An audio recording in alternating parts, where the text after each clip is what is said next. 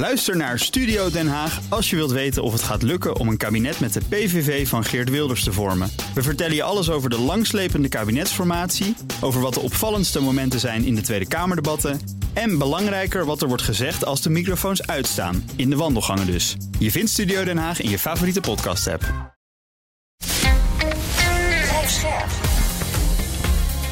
BNR Nieuwsradio. Boekenstein en de Wijk.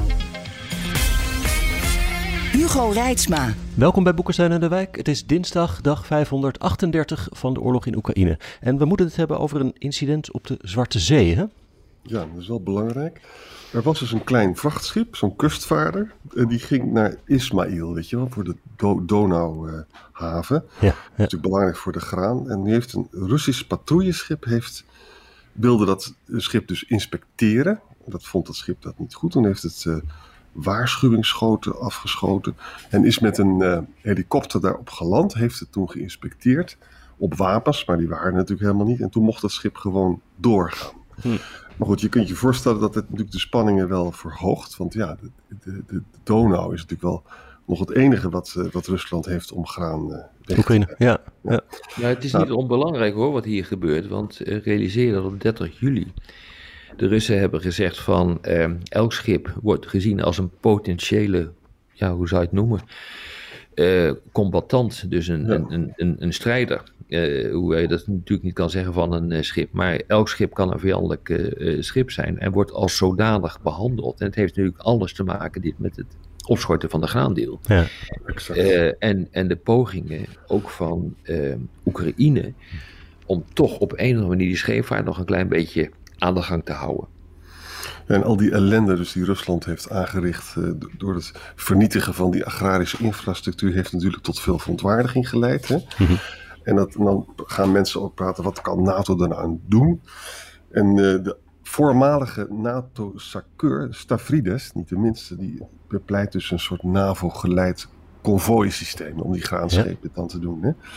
Nou, dan gaat een, een meneer, uh, dokter Siddharth Kaushal van de Royal United Service Institute met een heel goed artikel How can NATO overcome Russia's Black Sea blockade.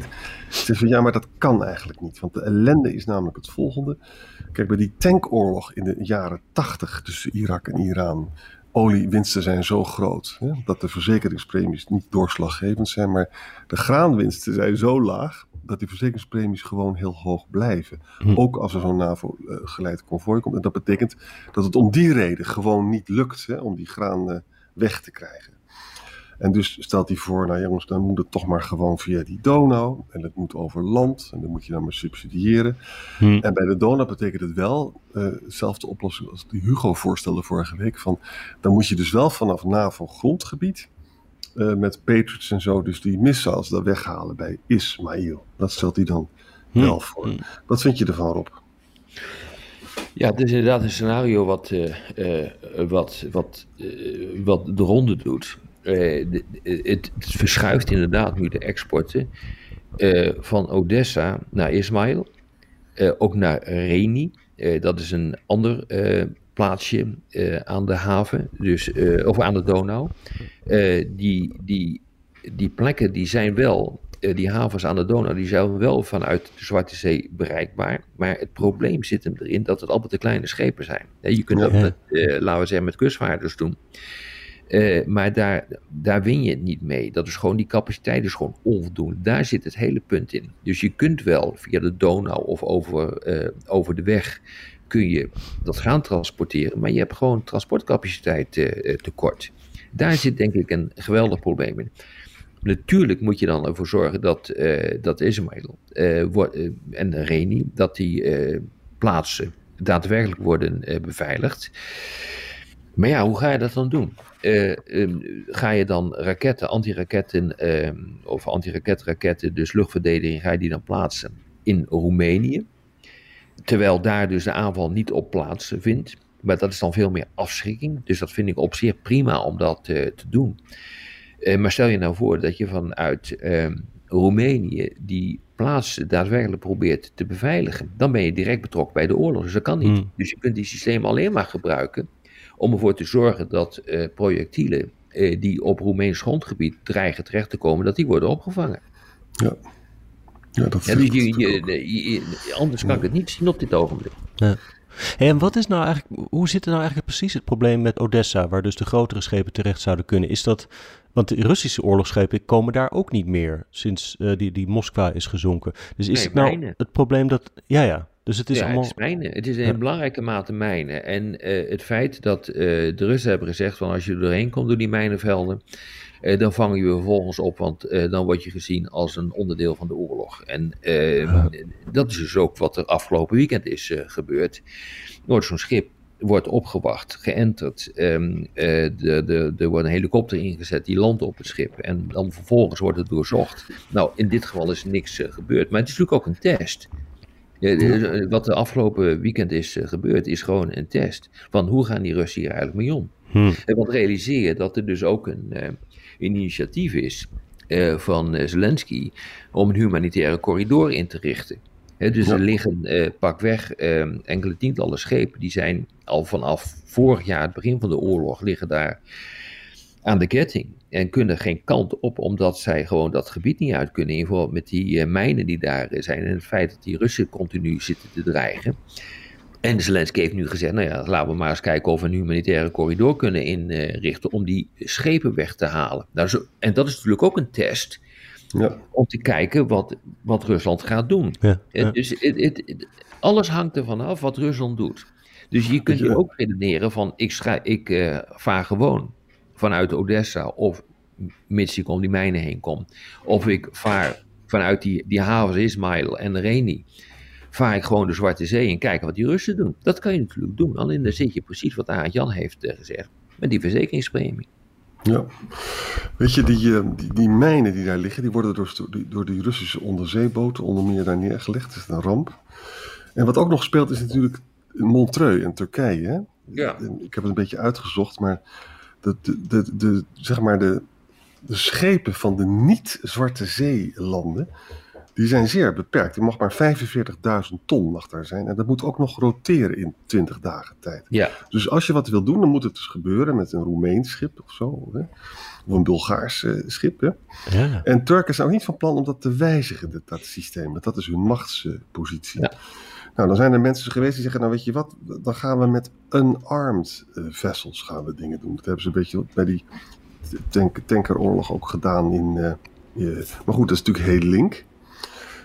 Andere mensen zeggen, nou ja, op de lange termijn, we moeten meer druk zetten op Rusland. En dan komt dus die meneer Kaushal, in het artikel, zegt van ja, op lange termijn hebben we geen andere oplossing dan gewoon het Engelse kanaal of Gibraltar en de Bosporus gewoon af te sluiten.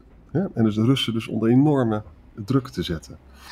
Maar ja, dat leidt natuurlijk ook weer tot allemaal eh ja dat leidt tot een gigantische escalatie. Ja, dan ben je dus ook als de NAVO dat zou eh, gaan doen. eh, ja, ik moet nog zien of Turkije daarmee akkoord gaat. Maar dan zal er zo'n coalitie zijn. Die misschien van NAVO-landen en van een aantal andere gelijkgestemde landen. Ja, weet je, ehm, eh, je krijgt een escalatie van je welste. De vraag is dat je, of je daar op zit te wachten. Ja. Maar het is ook zo, Rob, het is natuurlijk wel verschrikkelijk als Rusland hierin slaagt om de hele zaak eh, lam te leggen. Hè? Ik bedoel, eh, Ja, daar slagen ze aardig in op dit Ja, ogenblik. ja, Ja, ze moeten dat is ook de essentie van oorlog voeren. Hè? Dus Ja. je probeert in ieder geval die handelstroom, en want daar gaat het feitelijk om, die probeer je eh, te, te raken, zodat eh, eh, feitelijk eh, Oekraïne wordt gesmoord. Dat is, ja, dat is wel wat het is en wat, wat ook de bedoeling is van dit soort operaties. Mhm. Er wordt ook gesproken over state-backed insurance. Hè? Dat zou nog kunnen, dat staten Ja. eh, mede garant stellen. Maar er moet wel wat gebeuren, lijkt me. Griekenland en Bulgarije hebben S-300 eh, batteries. Dat wordt ook genoemd in het stuk. En Amerika heeft natuurlijk de Iron Dome. Dat zou dan moeten geplaatst worden in Roemenië. Hè? Dat is het verhaal. Ik kan me overigens niet goed voorstellen dat er helemaal niks, eh, geen, geen enkele westerse reacties komt die, op deze situatie. Ik weet het niet. Het, eh, ik denk dat ze gewoon nu gaan, eh, gaan testen hoe ver je kunt gaan. En dat is wat, eh, dat is, daarom is het goed dat we het er nu over hebben. Want wat afgelopen weekend eh, gebeurt is gewoon een test. En kijken hoe ver je kunt gaan. En Mhm. als dat gewoon uit de klauwen loopt. als bijvoorbeeld toch onverhoopt een schip wordt aangevallen door, door Rusland en beschadigd raakt. Terwijl dat dus niet bewapend is, dat schip. En ook geen oorlogshandelingen pleegt of daar een bijdrage aan levert dan moet ik nog zien wat er gebeurt. En dat zou eens een keer een trigger kunnen zijn voor meer. Maar het probleem is, je moet wel door die Bosporus kunnen. En daar zit het grote probleem in. Ja. ja. Hm. Oekraïne heeft van die maritieme drones, zoals we zagen een paar weken geleden. Als ze daar nog meer van hebben, dan zullen die wel in actie komen, denk ik. Hm? Nou ja, kijk, wat er, uh, wat je, een van de mogelijkheden die je hebt is om uh, de Russen te ontzeggen om uit die haven te komen. En daar zijn, die, uh, daar zijn de Oekraïners driftig mee bezig met die maritieme drones, die eigenlijk niet veel meer zijn dan speedboats met een, met een, een, een, explosieve lading aan boord. maar dat is wel redelijk effectief. Dus op het moment dat jij in staat bent om die, die Russen in de tank te houden en die schepen eh, te fixeren in bijvoorbeeld de haven of elders.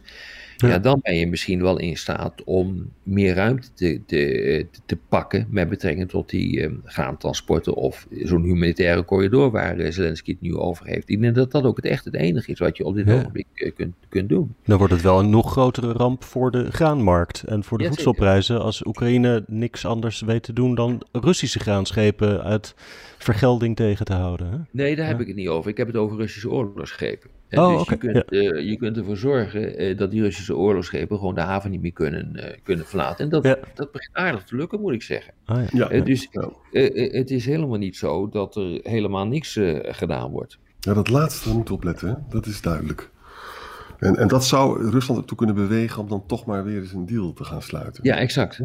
Ja, hm. dat wat, is wat ik, ook las, wat ik ook las was dat de Russen zeggen dus dat ze te weinig kunstmest en graan zelf uh, verkopen.